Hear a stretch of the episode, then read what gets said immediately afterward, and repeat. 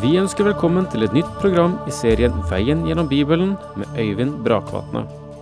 Denne studieserien er produsert av P7 Kristen Riksradio, og i disse første programmene vil Øyvind Brakvatne ha en introduksjon til serien og Bibelen.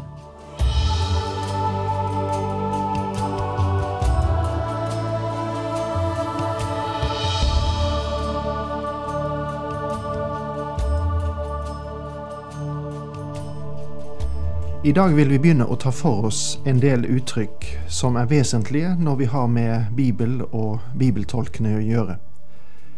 For eksempel, hva mener vi med åpenbaring, inspirasjon, opplysning eller tolkning?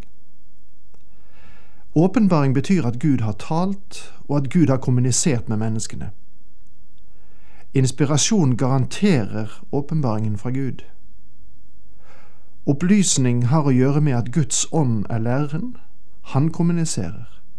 Og tolkning har å gjøre med den tolkning du og jeg gir Guds ord. La oss få begynne med det første uttrykket, åpenbaring. Åpenbaring betyr at Gud har talt. Så sier Herren, og lignende uttrykk forekommer mer enn 2500 ganger i Skriften. Herren ville ikke at du skulle være i tvil om at han har talt. Legg merke til Hebrebrevets kapittel 1 og versene 1 og 2. Der står mange ganger og på mange måter har Gud i fordums tid talt til fedrene gjennom profetene, men nå, da de siste tider er kommet, har han talt til oss gjennom Sønnen. Ham har Gud innsatt som arving over alle ting, for ved ham skapte han verden. Hvor som helst du finner to mennesker med en viss grad av intelligens, som har korresponderende følelser og lengsler i forhold til hverandre, som føler seg tiltrukket av hverandre, så finner du kommunikasjon mellom dem. Mennesker som føler at de hører sammen, men som er atskilt fra hverandre, gleder seg over å ha kontakt med hverandre eller ta kontakt med hverandre, og fryder seg over å få kommunisere med hverandre. En vesentlig del av postkontorets, telefonens og telegrafens meldinger går på denne kommunikasjonen av mennesker som kjenner at de hører sammen. Venner kommuniserer med venner. En ektemann som er borte fra sin hustru, skriver eller ringer. Alt dette kalles kommunikasjon. Det er hjertets uttrykk. Skriften sier dyp kaller på dyp. Du kjenner sikkert historien om Helen Keller. Jeg husker ennå den begeistringen jeg kjente da jeg leste om denne bemerkelsesverdige kvinnen som var utestengt fra omverdenen ved blindhet og døvhet, uten mulighet til kommunikasjon. Og da plutselig en vei ble åpnet så hun kunne kommunisere, kanskje bedre enn mange av oss som kan se og høre, da var det fantastisk. På bakgrunn av dette kan jeg få lov til å stille deg det som jeg tror er et vektig og intelligent spørsmål. Er det ikke sannsynlig å konkludere at Gud har kommunisert med sin skapning, den som han har gitt en intelligens som han skapte til likhet med seg selv? Kan jeg få lov til å si det slik at selv om vi ikke hadde hatt en åpenbaring fra Gud, så tror jeg at både du og jeg kunne vente at han ville tale til oss, fordi vi kunne forvente at Gud ville tale til oss. Legg merke til at Hebrebrevets forfatter sier at Gud i Det gamle testamentet talte gjennom profetene, og at han nå taler til oss gjennom Kristus. Og både profetenes åpenbaring i Det gamle testamentet og Kristi åpenbaring i Det nye testamentet er i Guds ord, selvfølgelig. Og det er den eneste måten vi ville kjenne til kommunikasjon fra hver av dem. Bibelen har 66 bøker, og Gud har talt til oss gjennom dem. En uh, ukjent forfatter sier det slik. Denne boken inneholder Guds tanker, menneskets situasjon, frelsens vei, synderes dom og de troendes lykke. Dens læresetninger er hellige, dens forskrifter er bindende, dens historie er sann, og dens avgjørelser er ubestikkelige. Les den for å bli vis. Tro den for å være trygg, og praktiser den så ditt liv blir hellig. Den inneholder lys som kan lede deg, mat som kan styrke deg, og trøst som kan oppmuntre deg.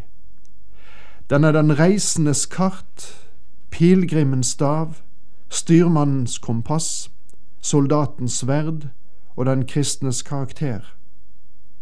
Her er paradiset gjenvunnet, himmelen åpnet og helvedes porter stengt.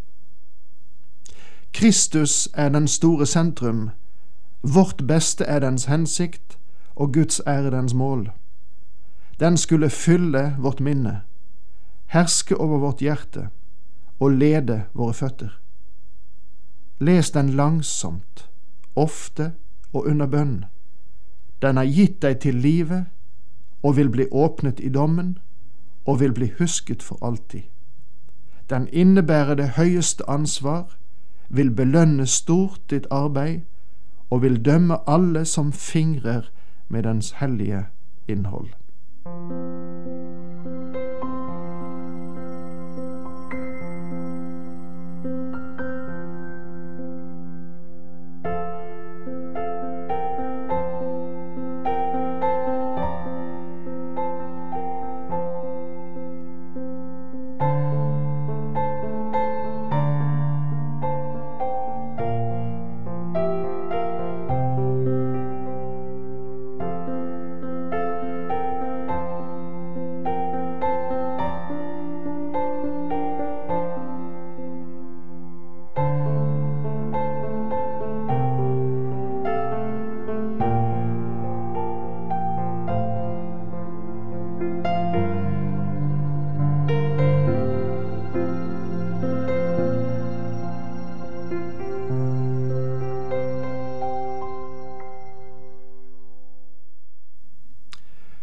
Så mye om eh, uttrykket åpenbaring. La oss nå gå over til inspirasjon. For åpenbaring leder oss til dette andre store temaet, som er inspirasjon. Personlig tror jeg på det som kalles Skriftens verbale inspirasjon, som betyr at Bibelen er det dokument som har den høyeste autoritet, og at hvert ord i den er Guds ord til oss og for oss i den tid vi lever. Inspirasjonen garanterer at åpenbaringen er fra Gud, og det er nøyaktig det denne boken sier. To menn, Paulus som skriver sitt siste brev til Timotius, og Peter som skriver sitt siste brev, har begge noe meget vesentlig å si om Bibelen.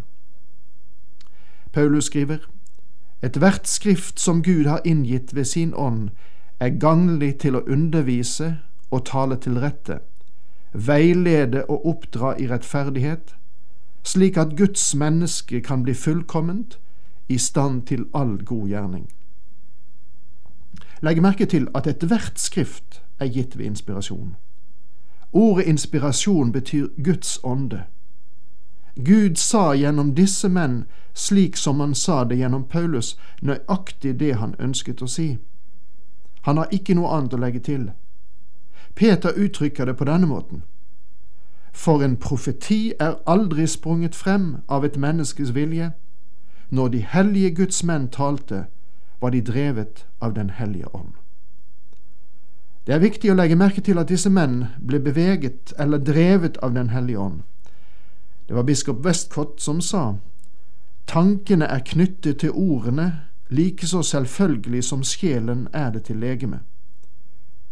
Og dr. Keeper sa du kan like utenkelig ha musikk uten noter eller matematikk uten tall som tanker uten ord. Det er ikke bare tankene som er inspirert. Det er også de ord, begreper, som gir åpenbaringen fra Gud, som er inspirert. Her er en liten humoristisk historie om en pike som har eh, tatt sangleksjoner hos en kjent sangpedagog. Han var til stede ved hennes debutkonsert, og etter at den var ferdig, var hun meget ivrig etter å høre hans reaksjon. Han kom ikke bak scenen for å gratulere henne, og derfor spurte hun en av sine venner. Hva sa han? Hennes lojale venninne svarte, Han sa at du sang himmelsk. Hun kunne ikke helt tro at læreren hennes hadde sagt det, så hun fortsatte. Er det nøyaktig det han sa? Vel eh, Nei, men det var det han mente. Men den unge debutanten insisterte. Si meg nøyaktig de ordene som han brukte. Her er nøyaktig de ordene som han sa. Dette var da en himmelropende skriking. Må jeg få lov til å si til dere at det er forskjell på en himmelropende skriking og en himmelsk lyd. Nøyaktige ord er viktig. Tro meg, det er også Bibelens begreper, dens ord, som er inspirert. Ikke bare selve tankene, men også ordene. For eksempel var Satan ikke inspirert til å fortelle en løgn, men Bibelen forteller at han fremsa en løgn. Det er ordene som er inspirert, og den Herre Jesus sa det er skrevet og siterte Guds ord i Det gamle testamentet. De menn som skrev, ga oss det Gud hadde å si. I annen Mosebok kapittel 20 vers 1 skrev Moses, og Gud talte alle disse ord og sa. Det var Gud som talte, og Moses skrev det han sa. Gjennom årene har man oppdaget mange glimrende manuskripter av de forskjellige skrifter i Bibelen. Og når man tenker på de manuskriptene som finnes i Storbritannia, uttaler sir George Kenyon, tidligere direktør og førstebibliotekar ved British Museum. Takket være disse manuskripter kan den alminnelige bibelleser kjenne seg trygg på at den tekst som er overlevert, er riktig.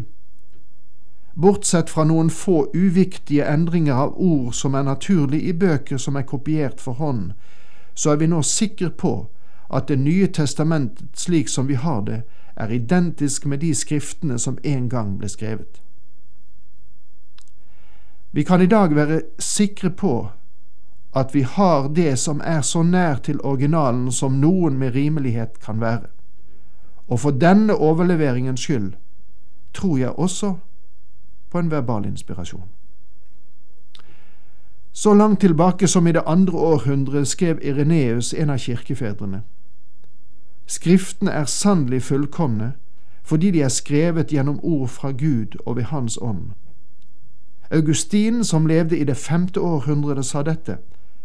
La oss derfor overgi oss selv og bøye oss for de hellige skrifters autoritet, som verken tar feil eller kan føre vill. Gud taler i denne boken til våre hjerter og liv. Ja, da tror jeg at vi må stoppe der for i dag. Men neste gang vil vi begynne å se på begrepene opplysning og tolkning, før vi går over til noen retningslinjer for bibelstudium.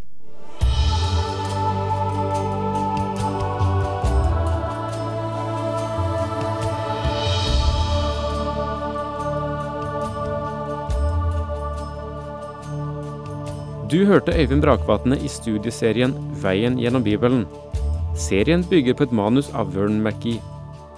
Har du spørsmål eller kommentarer til programmet, kan du sende en e-post til vgb krøllalfa p7.no.